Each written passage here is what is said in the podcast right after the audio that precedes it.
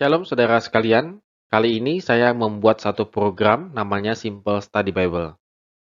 Di dalam Simple Study Bible ini, kita akan mempelajari Alkitab secara keseluruhan namun sangat sederhana, supaya saudara-saudara sekalian semakin mengasihi dan semakin ingin membaca Alkitab.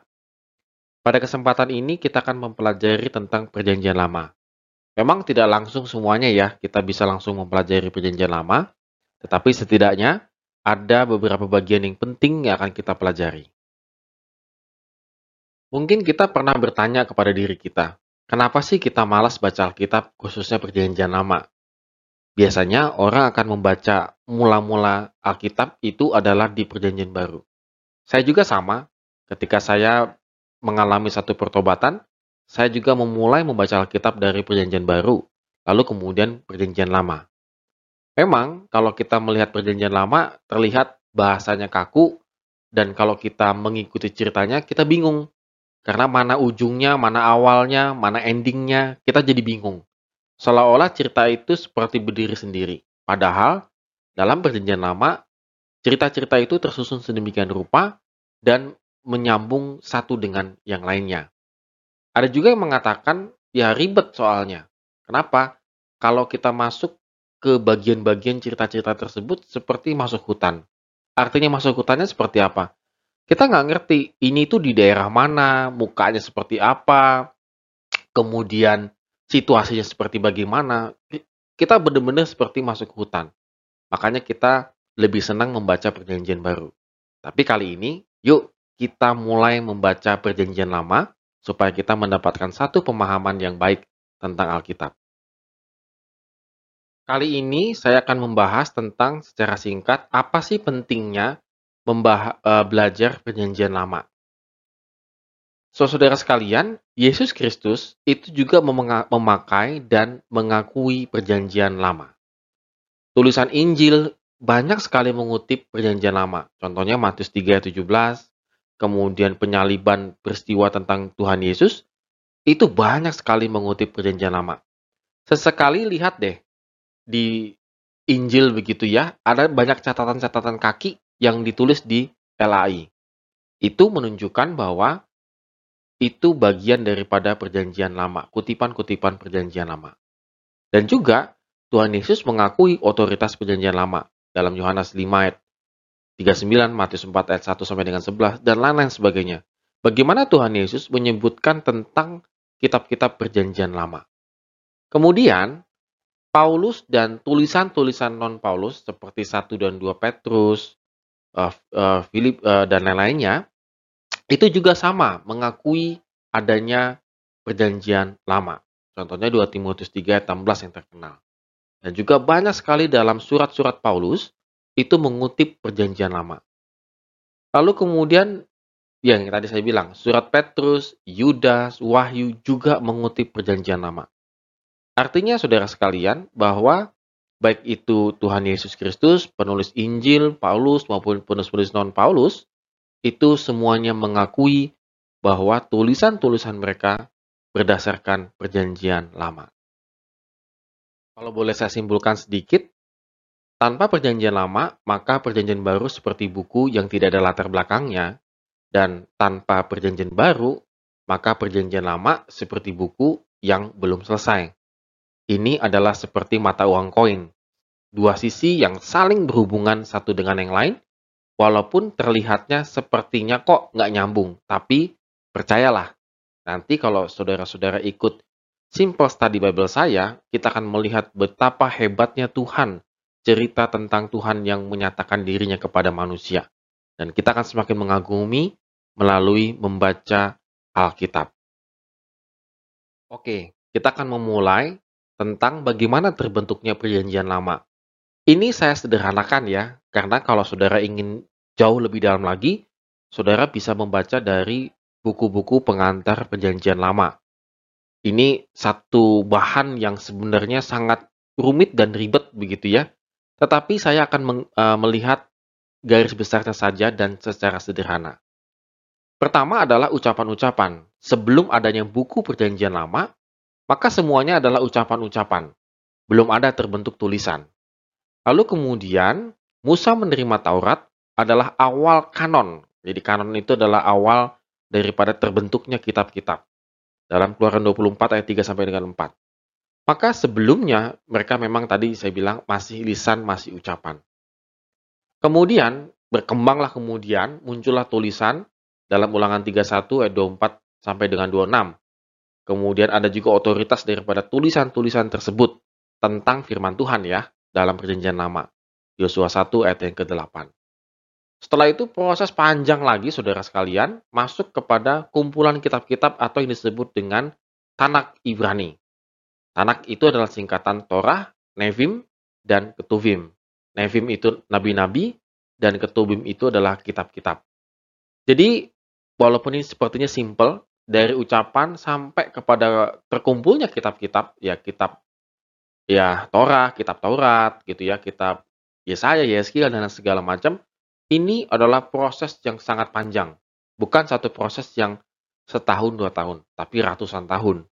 Dan ini adalah secara singkatnya, simpelnya, bahwa perjanjian lama terbentuk dari ucapan sampai kepada kumpulan-kumpulan kitab. Lalu kemudian terbentuklah kanon. Ini adalah kanon Ibrani. Ya, susunannya demikian dari nomor 1 sampai nomor 24. Tapi ingat ya, di nomor 13 itu ada 12 nabi. Nabi-nabi kecil kalau di kita. Ini kanon Ibrani yang agak sedikit berbeda dengan lembaga Alkitab Indonesia yang sekarang kita punya. Tetapi pada dasarnya nanti sama gitu ya. Nah ini adalah pembagiannya. Taurat ada lima, kemudian nabi-nabi dibagi dua, ada nabi-nabi terdahulu, nabi-nabi kemudian. Nabi-nabi terdahulu ada Yosua, Hakim-Hakim, Samuel, Raja-Raja. Nabi-nabi kemudian ada Yesaya sampai dengan 12 nabi dan ada kitab-kitab ketufim tadi itu. Ada Mazmur sampai dengan Tawarih. Kalau kita kan Tawarih itu di atas ya, tidak di bagian paling bawah. Tetapi kalau uh, kanon Ibrani menyusunnya demikian. Nah, ini adalah kanon kita, kanon Protestan yang saat ini kita miliki. Dibagi jadi empat, ada Taurat, sejarah, sejarah pertama, sejarah kedua, kemudian kitab-kitab sastra, kemudian kitab nubuat. Nubuat dibagi dua, kitab-kitab nabi besar dan juga nabi kecil.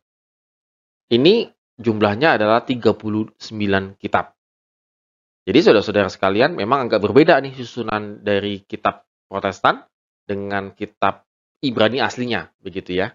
Tapi nanti kita akan lihat persamaannya. Kalau kita perhatikan, isi kanon Ibrani dan juga isi kanon Kristen kita, ini tidak berbeda, hanya cara pembagian kitab-kitabnya berbeda. Jumlah kitabnya sama, dan juga uh, isinya mungkin sama, begitu ya boleh dibilang, tetapi pembagiannya saja berbeda-beda, berdasarkan pemahaman masing-masing. Kalau tadi kita belajar tentang kanon Ibrani dan juga kanon Protestan, Samaria yang masih serumpun dengan Ibrani juga memiliki kanon tersendiri, namanya Taurat Samaria. Perpecahan antara Yehuda dengan Samaria yang dimulai dari pemberontakan Yerobeam tahun 931 sebelum Masehi sampai ke perjanjian baru. Masih ingat kan bagaimana Tuhan Yesus menghampiri perempuan Samaria? Di situ dicatat sangat tidak boleh bersentuhan bercakap-cakap. Jadi bisa kebayang ya berapa abad uh, perpecahan antara Yehuda dengan Samaria. Pada masa perpecahan tersebut, kitab-kitab bagian ketiga, yaitu kitab dari kitab-kitab Ibrani itu disusun, yaitu tentang nabi-nabi. Jadi kalau Yeskiel, Yesaya, dan lain sebagainya. Pada masa perpecahan tersebut, itu sedang disusun. Namun para nabi itu sering kali meremehkan kerajaan utara dengan ibu kotanya Samaria artinya meremehkan, yaitu sering mengkritik dosa-dosanya orang-orang Samaria. Berdasarkan hal ini, maka dapat dimengerti mengapa kanon Samaria hanya sampai kepada Taurat saja, sementara tulisan para nabi tidak dimasukkan dalam kanon mereka. Ya mungkin mereka juga nggak suka, nggak senang, atau tidak setuju dengan kritikan kerohanian dari para nabi-nabi pada waktu itu. Bahasa apa yang dipakai di Perjanjian Lama? jelas sekali adalah bahasa Ibrani menjadi bahasa yang dasarnya. Dalam naskah kuno Ibrani, sebenarnya dalam bahasa Ibraninya itu terdiri dari huruf-huruf mati saja. Tidak ada huruf vokalnya. Contohnya adalah JHWH. Bagaimana cara membacanya? Kalau sekarang kita langsung tahu, oh itu Yahweh cara bacanya. Nah, dari mana kita bisa tahu cara bacanya demikian? Itu adalah tanda-tanda vokal Alkitab yang ditambahkan atau yang dibuat oleh kaum Masorah, yaitu sejumlah cendikiawan Yahudi pada tahun 500 Masehi memang sudah sangat lama ya uh, tidak langsung ditulis tanda-tanda vokalnya pada saat pembentukan daripada kitab-kitab perjanjian lama.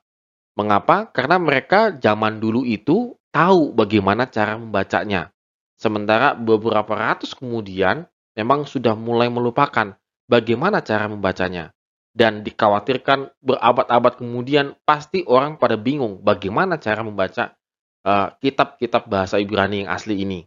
Maka 500 Masehi, kaum Masorah membentuk atau membuat mencatat kembali kitab kitab asli bahasa Ibrani dan memberikan tanda-tanda vokal. Ada juga bahasa Aram sebenarnya yang ada di dalam kitab-kitab perjanjian lama. Bahasa Aram itu dipakai sebagai bahasa diplomasi dan perdagangan selama masa kejayaan kerajaan Persia, 500 tahun sebelum Masehi. Sehingga karena mereka sangat menguasai, ya mungkin ibaratnya sih seperti bahasa Inggris kali ya, yang menjadi bahasa internasional pada waktu itu. Sehingga bahasa Aram dianggap tetap bahasa muda, bahasa kunonya adalah bahasa Ibrani. Tetapi ada juga terselip di kitab-kitab perjanjian lama. Contohnya ada di Hakim-Hakim 5.11, Kejadian 31.47, dan Jeremia 10 ayat 11. Artinya bahasa Arab ini muncul juga di dalam Eh, kitab-kitab perjanjian lama. Ada beberapa terjemahan kuno di dari perjanjian lama yang diterjemahkan ke beberapa bahasa. Pada awal-awalnya ya, kalau kita langsung ngomong sampai ke bahasa Indonesia, ini proses juga panjang sekali. Tetapi saya akan mengambil proses awalnya. Bagaimana ada beberapa versi terjemahan dari Ibrani aslinya ke beberapa bahasa adalah Targum Aram. Perubahan percakapan dari bahasa Ibrani ke bahasa Aram menyebabkan tata, tata ibadah pada sinagoga yang berbentuk lisan kemudian dituliskan dalam suatu naskah.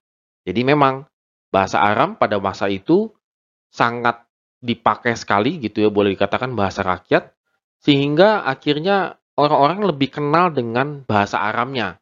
Sehingga mereka harus menerjemahkan kitab-kitab itu ke bahasa Aram. Bahkan tata ibadahnya pun dituliskan dalam bahasa Aram. Ya kalau boleh dibilang kayak liturginya ya, dituliskan dalam bahasa Aram. Setelah itu Targum menjadi sajian terjemahan tetap kitab suci yang tertulis ke dalam bahasa percakapan sehari-hari yaitu bahasa Aramik. Hal ini supaya umat Yahudi dapat mengerti kitab suci dengan lebih baik karena kalau mereka langsung ke Ibrani kunonya, mereka juga mengalami kesulitan. Dengan ditambah-tambahkannya banyak penjelasan tambahan pada kitab Targum ini adalah tujuannya untuk supaya pemahaman kerohanian mereka semakin levelnya semakin tinggi. Tujuannya sih itu ya. Jadi Targum Aram yang memakai bahasa sehari-hari ini supaya umat Yahudi pada waktu itu semakin saleh lah kira-kira seperti itu. Di samping itu ada juga terjemahan Septuaginta, yaitu terjemahan pakai bahasa Yunani. Septuaginta atau 70 dalam uh, simbol Romawi adalah terjemahan tertua dan terpenting dari perjanjian lama ke dalam bahasa Yunani. Septuaginta dibuat di Alexandria, Alexandria untuk memenuhi kebutuhan orang Yahudi diaspora yang berbicara bahasa Yunani. Itu kira-kira tahun 250 sampai 100 sebelum uh, Masehi. Para penulis Perjanjian Baru banyak mengutip Perjanjian Lama dari naskah terjemahan itu, sebab para rasul menuliskan tulisan-tulisan mereka dalam bahasa Yunani. Jadi, Septuaginta merupakan satu terjemahan yang sangat penting pada waktu itu, karena memang uh, bahasa pada waktu itu menjadi berubah lagi. Yang tadinya bahasa Aramik lalu kemudian bahasa internasionalnya menjadi bahasa Yunani, sehingga sangat diperlukan untuk menerjemahkan Ibrani kuno Perjanjian Lama menjadi Septuaginta, bahasa Yunani.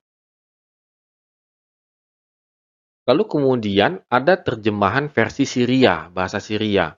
Terjemahan bahasa Syria atau dialek Aram yang lebih sederhana atau Pesita, bahasa rakyat. Jadi tadi bahasa Aram sudah bahasanya ini, ada lagi nih dialeknya itu dialek bahasa rakyatnya gitu ya. Artinya ya bahasa kita lah kayak mungkin lu gua lah begitu ya dalam bahasa kita sehari-hari begitu ya. Lebih sederhana lagi. Nah, terjemahan ini dibuat pada abad-abad permulaan Masehi. Karena memang e, pada waktu itu percampuran masyarakat itu semakin tinggi. Tidak hanya Yahudi saja, Yunani saja, tetapi juga ada semacam uh, dari berbagai macam bahasa, maka bahasa Syria ini paling sering dipakai dalam percakapan sehari-hari. Nah, kelemahan terjemahan ini adalah pada bagian Taurat masih bergantung kepada Targum Palestina. Jadi memang tadi kalau ada Targum Aram, ada Targum Palestina, dan lain sebagainya. Sehingga tidak mengacu lagi kepada Ibrani yang kunonya. Dan juga ada beberapa bagian yang terpengaruh oleh terjemahan Septuaginta. Mungkin dapat dikatakan walaupun terjemahan Syria ini dibuatnya di abad-abad pertama, tetapi tetap tanda petik ya, keasliannya langsung menerjemahkan dari Ibrani kunonya banyak diragukan oleh para ahli. Ada juga terjemahan-terjemahan yang lain yang mengacu kepada Septuaginta. Pada abad kedua, Masehi, Aquila membuat terjemahan harafiah yang populer di kalangan orang Yahudi. Karena pada waktu itu, kalangannya orang Kristen eh, Yahudi itu memakai Septuaginta. Lalu kemudian muncul seorang Aquila yang tadinya non-Yahudi, bertobat menjadi Yahudi. Dia menerjemahkan ulang Septuaginta yang lebih populer bahasanya supaya bisa dipakai oleh kalangan orang Yahudi. Intinya sih gak mau samaan dengan orang Kristen karena Yahudi dan Kristen pada waktu itu sampai sekarang pun berselisih begitu ya. Dan juga muncul versi-versi yang lain Theodosians seperti Theodosians dan juga uh, Sumakus. Kemudian ada yang membuat terjemahan bahasa Latin tua. Jadi dari Septuaginta diterjemahkan ke bahasa Latin tua. Kira-kira tahun 150 Masehi. Dan bahasa Latin tua ini sebenarnya dipergunakan untuk jajahan Romawi di Afrika Utara dan Gaul Selatan yang susah memahami tentang bahasa Yahu, uh, Yunani begitu. Tetapi akibatnya banyak sekali muncul bahasa-bahasa Latin tua yang lainnya.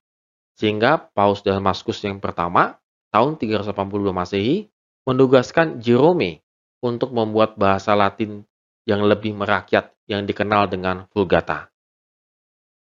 Lalu kemudian ada juga versi-versi yang dipergunakan untuk penyebaran kekristenan. Contohnya terjemahan bahasa Koptik Mesir pada abad 3 sampai 4 Masehi. Terjemahan bahasa Koptik Mesir ini sebenarnya awalnya dipergunakan untuk masyarakat petani di Mesir. Lalu kemudian ada juga bahasa Ethiopia yang terjemahannya dimulai dari abad keempat Masehi. Kemudian ada bahasa Armenia. Bahasa Armenia ini mulai terjemahannya dari abad yang kelima dan didasarkan kepada terjemahan Pesita dan Septuaginta. Kemudian terjemahan bahasa Arab tidak merupakan satu terjemahan baku karena bahasa Arab pada waktu itu mewakili beberapa boleh dikatakan campuran ya terjemahan ada Ibrani-nya juga, ada Samaria-nya juga, Septuaginta, Pesita dan Koptik. Jadi bahasa Arab pada waktu itu diterjemahkan memakai beberapa referensi versi yang lainnya. Jadi tidak langsung semata-mata Septuaginta, tetapi ada juga Ibraninya, Pesita, dan Koptik.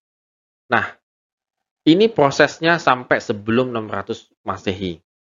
Intinya adalah terjemahan-terjemahan ini memang digunakan supaya orang semakin memahami perjanjian lama pada waktu itu. Kalau kita simpulkan secara sederhana, dari perjanjian lama bahasa Ibrani aslinya, lalu ada terjemahan Aram, lalu kemudian terjemahan Yunani Septuaginta yang sangat terkenal, dari sini muncullah terjemahan Syria, terjemahan bahasa Yunani versi lainnya, terjemahan bahasa Latin, dan terjemahan sekunder bahasa-bahasa yang lainnya, bahkan sampai ke bahasa Indonesia. Jadi, saudara sekalian, ini suatu proses penerjemahan yang sangat panjang, bukan setahun dua tahun, bahkan mungkin boleh dikatakan berabad-abad. Namun, saya meyakini Tuhan menyertai para penterjemah-penterjemah ini, sehingga kita mendapatkan Alkitab yang benar-benar adalah firman Tuhan. Oke, demikian dulu simple study Bible kita pada hari ini. Dan nanti kita akan berjumpa lagi, kita akan mempelajari geografi perjanjian lama. Kalau hari ini kita bicara tentang bagaimana terbentuknya, kanonnya secara singkat perjanjian lama, maka kita akan melihat geografi, tata letaknya kota ini, kota itu di perjanjian lama. Sehingga nanti kalau saudara-saudara sudah mulai membaca perjanjian lama, maka akan semakin memahami dan tahu di mana kita berada. Saya sangat menyarankan untuk mengikuti Simple Study Bible ini, saudara sambil membaca perjanjian lama. Supaya kita lebih enak diskusinya dan juga mungkin saudara akan lebih memahami dan lebih mengenal perjanjian lama. Tuhan Yesus memberkati kita semua.